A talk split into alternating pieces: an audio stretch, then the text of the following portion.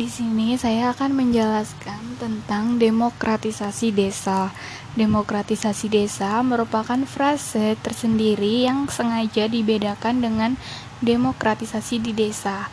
Demokratisasi desa mewakili semangat undang-undang desa yang mengakui sebagai yang mengakui desa sebagai subjek dalam payung asas rekognisi dan subsidiaritas.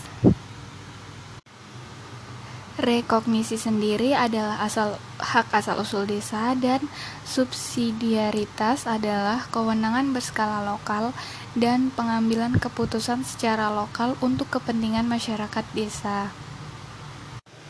Kemudian, dalam melaksanakan kehidupan demokrasi, tugas-tugas sebagai penyelenggara pemerintahan desa yaitu kepala desa, BPD, LKM lembaga adat desa yaitu mengembangkan kehidupan demokrasi dalam keseharian desa sehingga menjadi ruang habituasi nilai dan praktik demokrasi desa.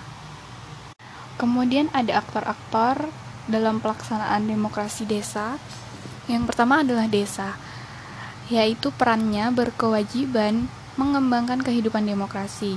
Yang kedua adalah kepala desa, Perannya yaitu berkewajiban melaksanakan kehidupan demokrasi yang berkeadilan gender.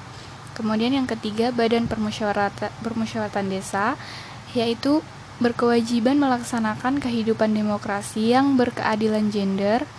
Kemudian lembaga kemasyarakatan desa dengan perannya yaitu pemberdayaan masyarakat desa sehingga mitra pemerintah desa dalam urusan sektorat Kemudian yang kelima adalah lembaga adat dengan peran wadah aspirasi masyarakat yang dibentuk atas prakarsa masyarakat.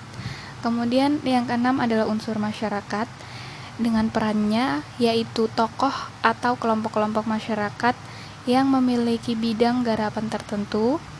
Kemudian yang ketujuh adalah KPMD atau kader pendamping masyarakat desa. Perannya adalah kader desa yang dipilih atau dilatih untuk melakukan pemberdayaan masyarakat. Yang kedelapan adalah pendamping desa, yaitu figur yang bertugas mendampingi desa dalam berbagai kegiatan pembangunan dan pemberdayaan.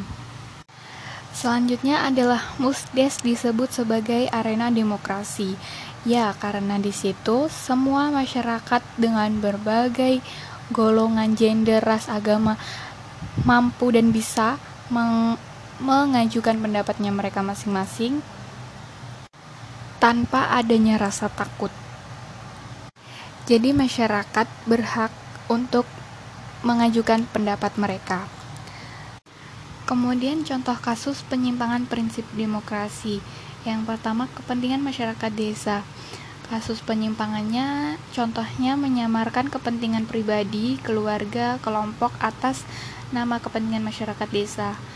Kemudian dalam musyawarah, contoh kasusnya adalah penetapan hasil keputusan secara sepihak, melakukan rekayasa dokumen dan lain-lain. Kemudian dalam partisipasi, contoh kasusnya memalsukan kehadiran, memalsukan persetujuan warga dan lain-lain kemudian sukarela. Contohnya adalah memaksa dengan ancaman, money politik, atau intimidasi, dan lainnya. Kemudian yang kelima adalah toleransi. Contoh kasusnya adalah merendahkan, memusuhi karena beda pendapat. Kemudian berperi kemanusiaan atau humanis. Um, contoh kasusnya adalah menghina, main hakim sendiri, main pukul, dan lainnya. Kemudian berkeadilan gender, contoh kasusnya mempersulit partisipasi perempuan, dan lainnya. Kemudian yang terakhir adalah transparan dan accountable. Contohnya adalah markup anggaran.